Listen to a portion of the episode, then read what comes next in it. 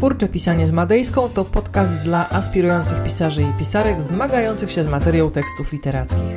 To również podcast o twórczym czytaniu, słuchaniu i podglądaniu świata. To podcast o twórczym życiu. Nazywam się Ewa Madejska, jestem pisarką, dramatopisarką, scenarzystką i nauczycielką kreatywnego pisania.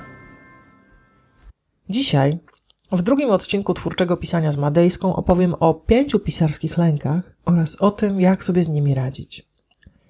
Nie odkryję Ameryki, kiedy powiem, że tak naprawdę wszyscy, naprawdę wszyscy boimy się tego samego. Bo pomyśl, boimy się zmiany, Równie mocno boimy się braku zmiany, boimy się kryzysów, rozmaitych kryzysów, osobistego, finansowego, ostatnio klimatycznego, boimy się odrzucenia, oceny, krytyki tego, co powiedzą inni, boimy się porażki, boimy się sukcesu, boimy się, kiedy czujemy i okazujemy emocje, boimy się, kiedy nam się wydaje, że ich nie czujemy i kiedy nie okazujemy emocji, boimy się samotności, bliskości, odpowiedzialności, zranienia, boimy się, że zranimy, boimy się ekspansywności, bezradności boimy się śmierci i to normalny, pierwotny lęk, ale zdarza się, że silniejszy od strachu przed śmiercią, lęku przed śmiercią jest lęk przed życiem.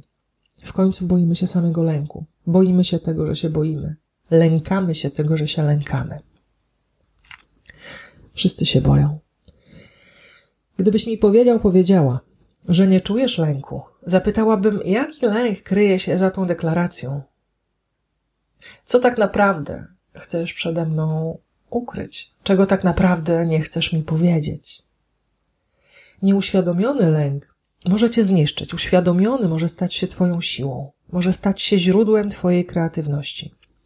Z części wyżej wymienionych lęków bierze się przecież literatura. Biorą się pisarze. My, pisarze, pisarki, mam wrażenie, czasem jesteśmy zbudowani z rozmaitych lęków. Składamy się z nich. Jednego jest więcej, jednego jest mniej. To zależy pewnie od okoliczności. Lęk czasem jest, a czasem nie jest zaliczany do emocji podstawowych. Na przykład Paul Ekman wyróżnia tych emocji siedem. Mówi o radości, smutku, złości, wstręcie, strachu, pogardzie, zaskoczeniu. Strach, pisze, jest odruchową reakcją psychofizyczną na zagrożenie. Lęk jest również reakcją psychofizyczną na zagrożenie, jednak na zagrożenie hipotetyczne, wyobrażone. Bo co robisz, kiedy stajesz twarzą w twarz z prawdziwym niebezpieczeństwem? Masz dwa wyjścia. Walczysz albo uciekasz. Co robisz, kiedy wyobrażasz sobie, że stajesz twarzą w twarz z niebezpieczeństwem? Nakręcasz spiralę lęku. Widzisz, a strach jest nam potrzebny. Strach integralnie wiąże się z instynktem koniecznym do przetrwania. Lęk, lęk nakręcający spirale destrukcyjnych myśli, staje się zabójcą kreatywności. Staje się zabójcą każdego pisarza, każdej pisarki. My, twórcy, twórczynie, jesteśmy mistrzami, mistrzyniami w kreowaniu wyobrażonych sytuacji. To jest taka nieustanna zabawa w co by było gdyby. I to jest też ten moment, a przy okazji naszej rozmowy o lęku, byś sobie uświadomił, uświadomiła, gdzie jest jego źródło. Co tak naprawdę jest jego przyczyną w tobie. Prawdopodobnie wiem, ale powiem o tym na końcu. Czego boimy się my, pisarze, pisarki? Czego boją się ludzie, już wiesz. A my, a my, twórcy, twórczynie. Mm, zacznę od lęku numer jeden. E, to jest lęk przed tym, że wszystko już było. W tym lęku e, zawiera się pytanie, wątpliwość o to, czy w ogóle powinieneś, powinnaś zabierać się za pisanie. Bo co nowego można powiedzieć o miłości albo o zdradzie? I tu masz rację i jej nie masz. Masz, bo rzeczywiście wszystko już było i nic nowego prawdopodobnie się już nie pojawi. No chyba. A świat jest pełen zaskoczeń w literaturze również. Moim zdaniem obracamy się tak naprawdę wokół wciąż tych samych tematów. Listy tych tematów są długie albo krótkie. Ja mam krótką. Znajdują się na niej takie motywy jak miłość, przyjaźń, dorastanie, śmierć, czasem również umieranie, zemsta, którą łączę ze sprawiedliwością albo z jej brakiem, Władza, wojna, prawda, kłamstwo, wolność. Bez względu na to, w jakim gatunku zechcesz pisać, zmierzysz się z jednym z tych motywów. I cóż, jak powiedziałam, prawda jest taka, że każdy z tych tematów, motywów pojawił się e, w tysiącu powieści. Czy to oznacza, że każda z tych tysiąca powieści jest dokładnie taka sama? Oczywiście, że nie. Co odróżnia od siebie tysiąc książek o miłości albo o zdradzie? Jak sądzisz? Mówiłam o tym w pierwszym podcaście, wspominałam o tym. To głos. Głos pisarza, pisarki. Twój głos. Jego, jej, ale też twoja literacka osobowość. To sposób, w jaki on, ona, ty opowiadacie po raz tysiąc pierwszy historię o miłości lub o zdradzie. To ten kawałek pisarza, pisarki, to ten kawałek ciebie, który przenika wszystko, co piszesz. To twój, zostanę przy tobie, literacki odcisk palca. Twój charakterystyczny styl, który przynajmniej teoretycznie nieustannie powinieneś, powinnaś rozwijać. Najprościej. Twój głos to wszystko, co czujesz i jak o tym opowiadasz. Twój głos to przestrzeń, w, którym, w której łączysz emocje z warsztatem.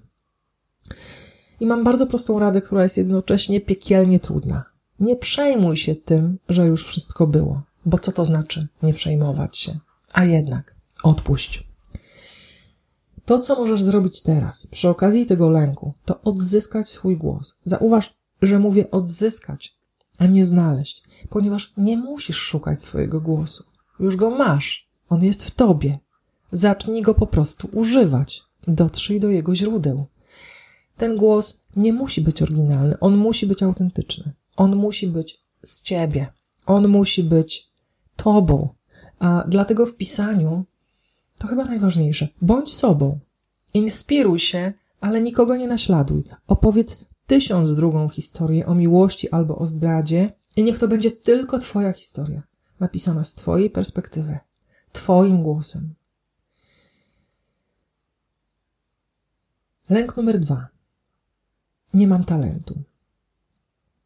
Lęk przed brakiem talentu jest lękiem wspólnym dla wszystkich pisarzy i pisarek. Jest moim lękiem, prawdopodobnie Twoim lękiem i paru innych mm, twórców. Takie mam wrażenie. Przydarza się ludziom parającym piórem częściej niż choroby oczu, zespół cieśni nadgarstka, a nawet blokada twórcza, u której moim zdaniem leżą inne przyczyny niż lęk przed brakiem talentu.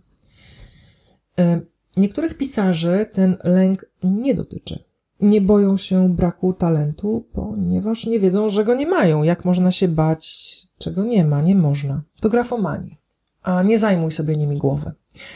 Istnieją jednak pisarze, którzy nie wiedzą, że mają talent, a ponieważ tego nie wiedzą, nie piszą, nie publikują. Może słyszałeś, słyszałaś historię amerykańskiej poetki Anne Sexton. Żyła w latach 1928 1974. Cierpiała na chorobę afektywną dwubiegunową i zaczęła pisać po tym, e, kiedy zalecił jej to psychiatra w ramach terapii. Chciał, by dała upust swoim cierpieniom i lękom właśnie w pisaniu. W ten sposób Anne Sexton trafiła na warsztaty twórczego pisania, które prowadził John Holmes. Poznała na nich e, Sylwię Plath. Um, bardzo nie chciała uczestniczyć w tych zajęciach. Tłumaczyła swojemu doktorowi, że nie ma talentu, że boi się oceny, ale talent pojawiał się najczęściej. Nie mam talentu. Miała momenty kryzysu, wytrwała jednak i pisała. Jej utwory już wkrótce zagościły na łamach najpoważniejszej prasy amerykańskiej. Anne Sexton stała się jedną z najbardziej rozpoznawalnych poetek XX wieku. W 1967 otrzymała nagrodę Pulitzera za zbiór Live or Die, Żyj albo umieraj. Ona, Anne Sexton. Ta, która była długo przekonana, że nie ma talentu. To, czego potrzebowała, to impulsu, który w jej przypadku okazał się kategorycznym zaleceniem psychiatry, by zaczęła pisać, by się otworzyła. W tym momencie nawet nie próbuj diagnozować w sobie mentalnych dysfunkcji, e, bo to nie o to chodzi. W tym momencie zapytaj siebie, co może być impulsem, który uruchomi w tobie pisanie. I uczciwie zastanów się, mm, co mówią inni o tym, co piszesz. Ci najbardziej krytyczni, ci, którym ufasz, ale też ci, którym nie ufasz. Czy cię chwalą, czy jednak unikają odpowiedzi na pytanie o jakość twojej twórczości? Moja znajoma powtarza, że jeżeli trzecia osoba z rzędu mówi ci, że masz ogon, odwróć się i sprawdź to, bo może masz. Nie wypieraj talentu ale nie wypieraj również jego braku. Po prostu sprawdź. Zresztą, słuchaj, co to jest talent? Właśnie. Żeby zaistnieć również w literaturze, takie mam wrażenie, dzisiaj bardziej pożądana jest bezczelność niż talent. Jednakowoż, jak opanować lęk przed tym, że jest się niewystarczająco dobrym? Bardzo prosto, pisząc. konfrontując się z tym, czego boisz się najbardziej, wychodząc ze strefy komfortu i ucząc się. W pokonaniu tego strachu może Ci pomóc nauka warsztatu, zwykłe rzemiosło. Ale co możesz zrobić już teraz? Mm, jeżeli mimo strachu podejmiesz ryzyko pisania, bo przy okazji tego lęku pisanie naprawdę staje się ryzykiem, spróbuj pisać stosując następujące metody. Sprawdź poranne strony. Y, pisze o nich Julia Cameron w Drodze Artysty. Chodzi o to, żebyś zaraz po przebudzeniu, już po toalecie, a jeszcze przed pierwszą kawą, zapisał, zapisała trzy strony w brulionie. Nie oszukuj. Niech to będzie brulion A4. Pisz cokolwiek. Jeżeli nie masz o czym pisać, napisz właśnie o tym, że nie masz o czym pisać. Chodzi o to, byś pozostawił, pozostawiła swoje pisanie bez kontroli. Bez kontroli. Kiedy pracujesz nad większym tekstem, pisz szybko. Tak, zakładamy, że pracujesz już nad powieścią, nad zbiorem opowiadań. Pisz szybko, dopóki nie poczujesz, że strach odpuszcza. I powstrzymaj się przed tym, kiedy strach odpuści, lęk odpuści, powstrzymaj się przed tym, żeby edytować, polerować, poprawiać to, co napisałeś, napisałaś. Momenty, w których to robisz, są szczelinami, przez które zaczyna sączyć się lęk. Lęk przed brakiem talentu. Jak mogłeś, mogłaś napisać tak niedoskonałe zdanie?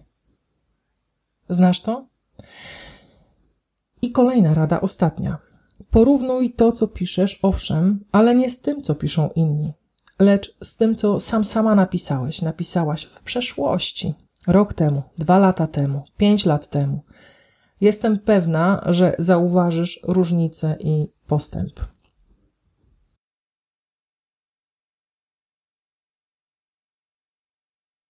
Lęk numer trzy. Nie wiem, jak zacząć. Wyobraź sobie taką sytuację. Chcesz wejść do mieszkania, do własnego mieszkania, którego drzwi się zatrzasnęły. Klucze zostały w środku, obok kluczy leży twój telefon, w kuchni pieką się warzywa na kolację, w mieszkaniu nie ma nikogo. E, chcesz dostać się do środka. Telefon dzwoni, warzywa się przypalają, stoisz przed drzwiami jak skończony głupek, zastanawiasz się, czy zdołasz przejść przez balkon sąsiadki na swój balkon, ale po pierwsze, nie wiesz, czy sąsiadka jest w domu, nie, raczej jej nie ma, poza tym nie jest pewne, czy zostawiłeś uchylone drzwi na balkon. Sprawdzasz, czy gdzieś przed wejściem nie, nie masz kluczy zapasowych, ale przed wejściem e, jest tylko worek pełen śmieci, które już wczoraj obiecałeś żonie wynieść do śmietnika. Jesteś zdesperowany. Podobnie czuje się pisarz, który siedzi przed białą kartką papieru. Chwycił już opowieść, krąży wokół bohaterów, przeczuwa konflikt główny, ale nie może zacząć. Próbuje się dostać do opowieści, tak jak ty do swojego mieszkania. Czego mu brakuje? Porządku może, odwagi z całą pewnością, narzędzi czasem bardzo.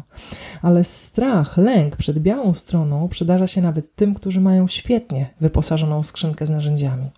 Jest wspólny wszystkim pisarzom.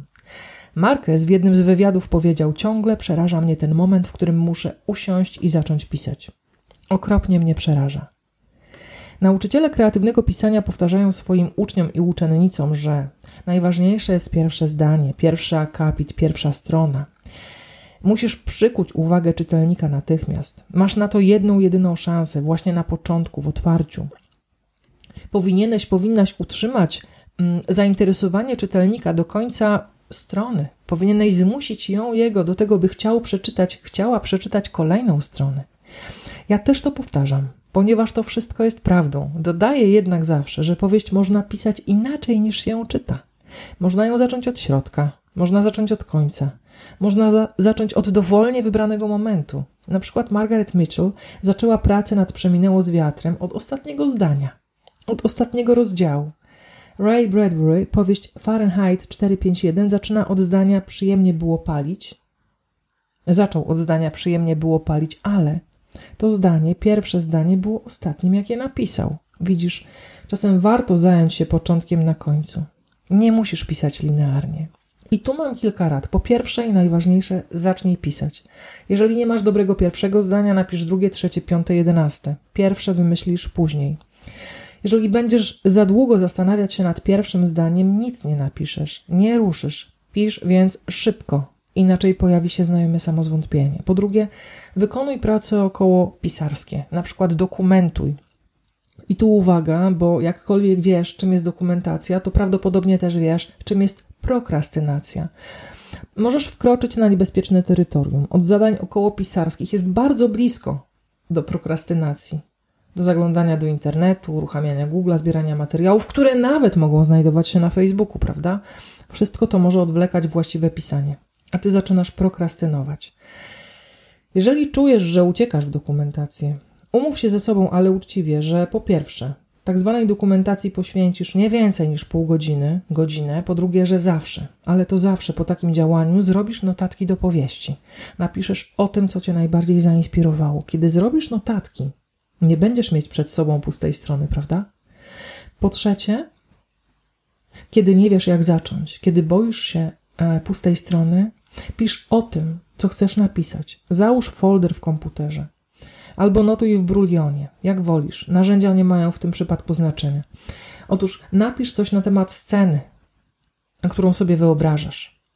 Napisz coś na temat bohaterów, z którymi chcesz się zmierzyć. Napisz coś, co jest łatwiejsze niż samo pisanie powieści. Spisz, opisz 10 wydarzeń, które mogą e, mieć miejsce w Twojej historii. Jeżeli Ci to nie wyjdzie, spróbuj freewritingu. Przez 10 minut pisz wszystko, co przyjdzie Ci do głowy, takie poranne strony, ale w środku dnia. Pomiędzy pozornie nic nieznaczącymi liniami możesz znaleźć pomysł, którego szukasz. W końcu chodzi tylko o jedno. Żebyś znalazł, znalazła klucze do swojej opowieści. Jak do zamkniętego mieszkania.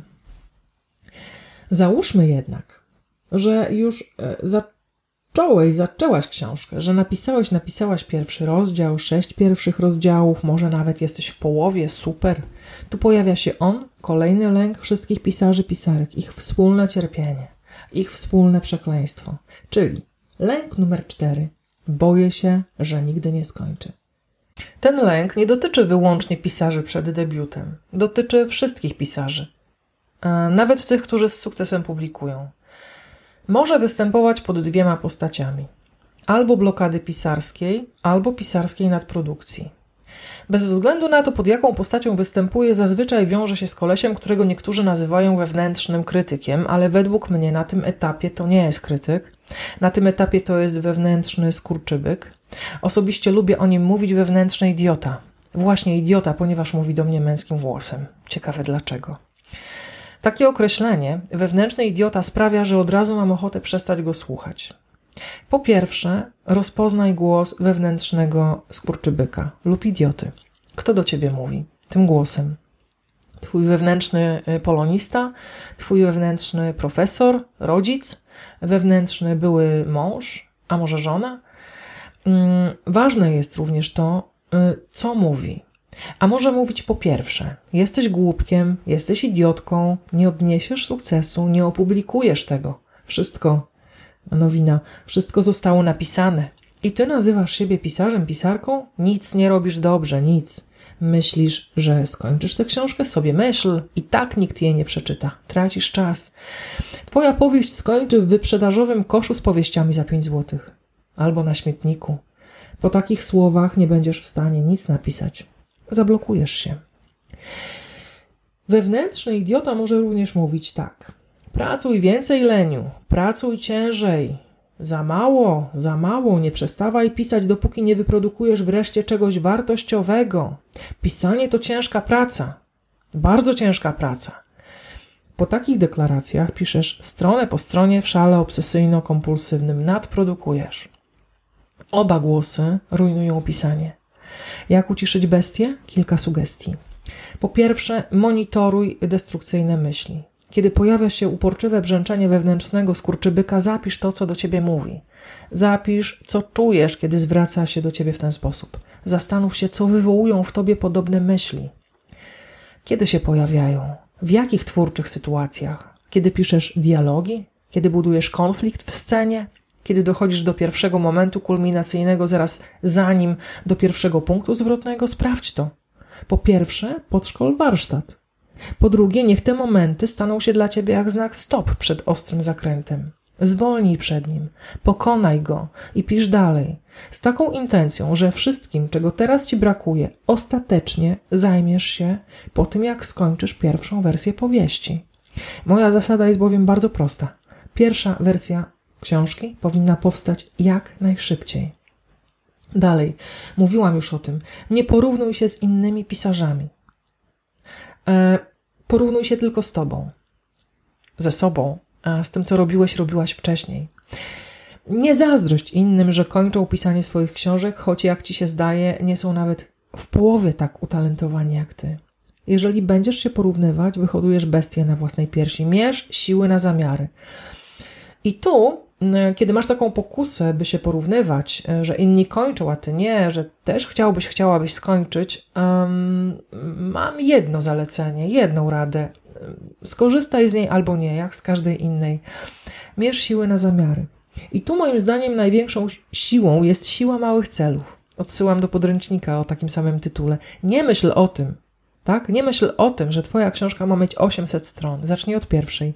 Nie myśl o wszystkich punktach zwrotnych i momentach kulminacyjnych, o wszystkich dialogach czy też konfliktach. Codziennie myśl tylko, tylko i wyłącznie na przykład o 900 znakach ze spacjami. Bo na tyle być może umówiłeś się, umówiłaś się ze sobą. Tyle znaków dziennie, pół strony, nie więcej. Jeżeli będziesz realizować małe cele, zawsze będziesz, ja wiem jak to brzmi, naprawdę wiem, ale zawsze będziesz zwycięzcą.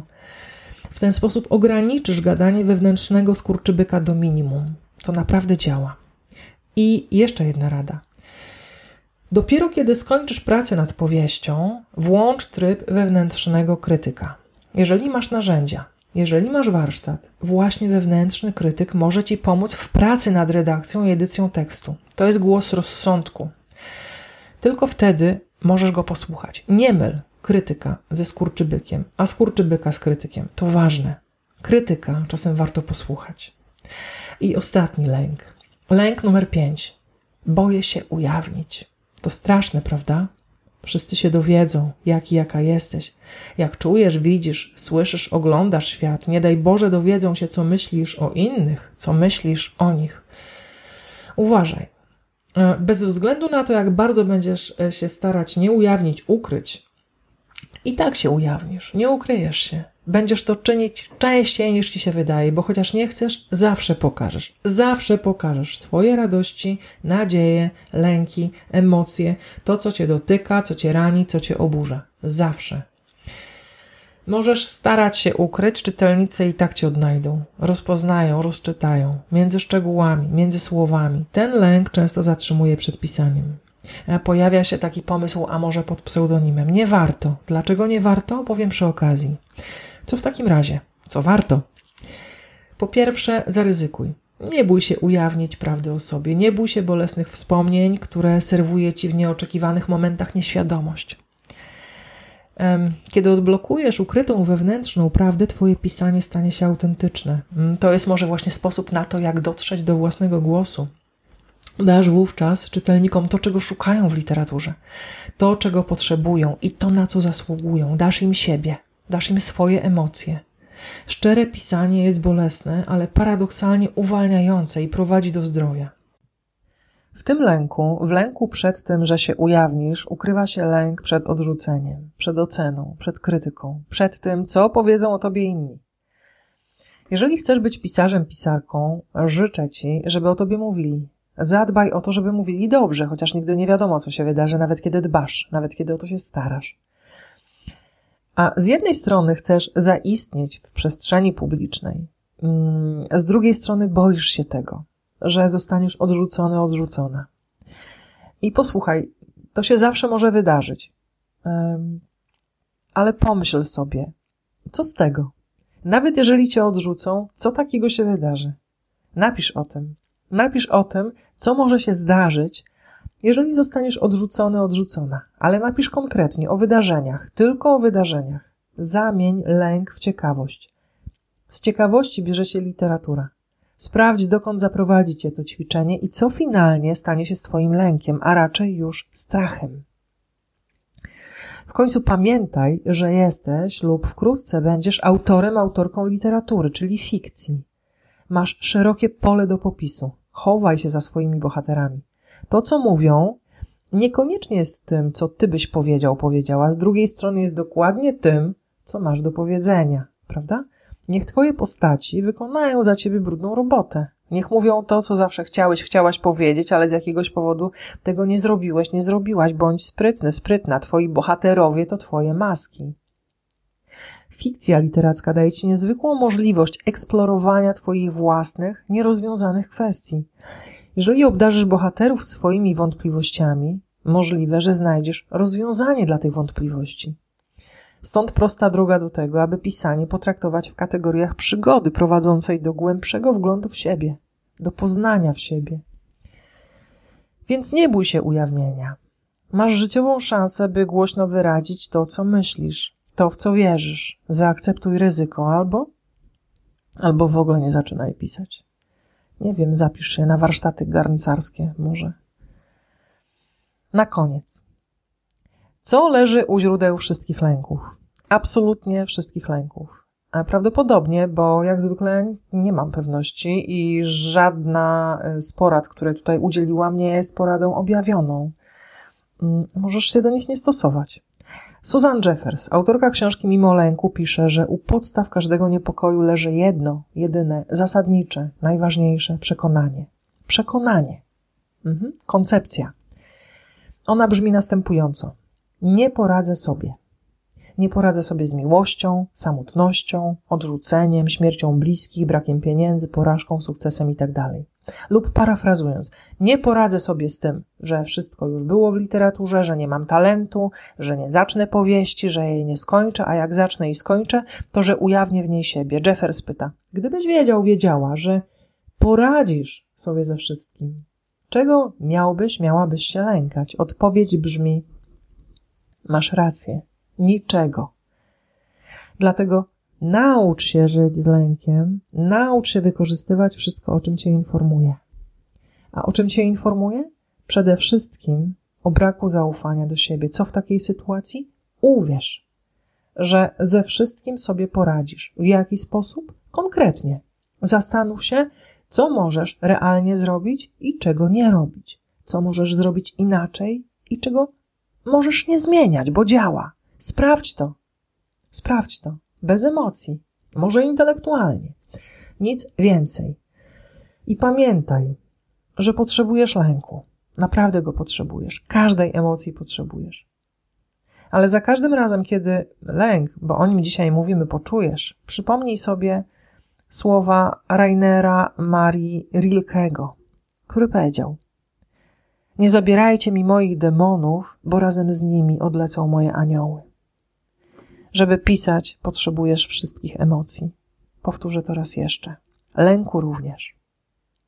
Dziękuję Ci, że mnie wysłuchałeś, wysłuchałaś. Jeżeli jesteś zainteresowany, zainteresowana art coachingiem, book, doktoringiem, book coachingiem, napisz kontakt małpa ewamadejska.pl. Znajdziesz mnie również w Kolegium Civitas, w Studium Kreatywnego Pisania oraz na Facebooku e, facebook.com łamane przez Ewa Madejska oraz tutaj. Mam nadzieję, że już za tydzień.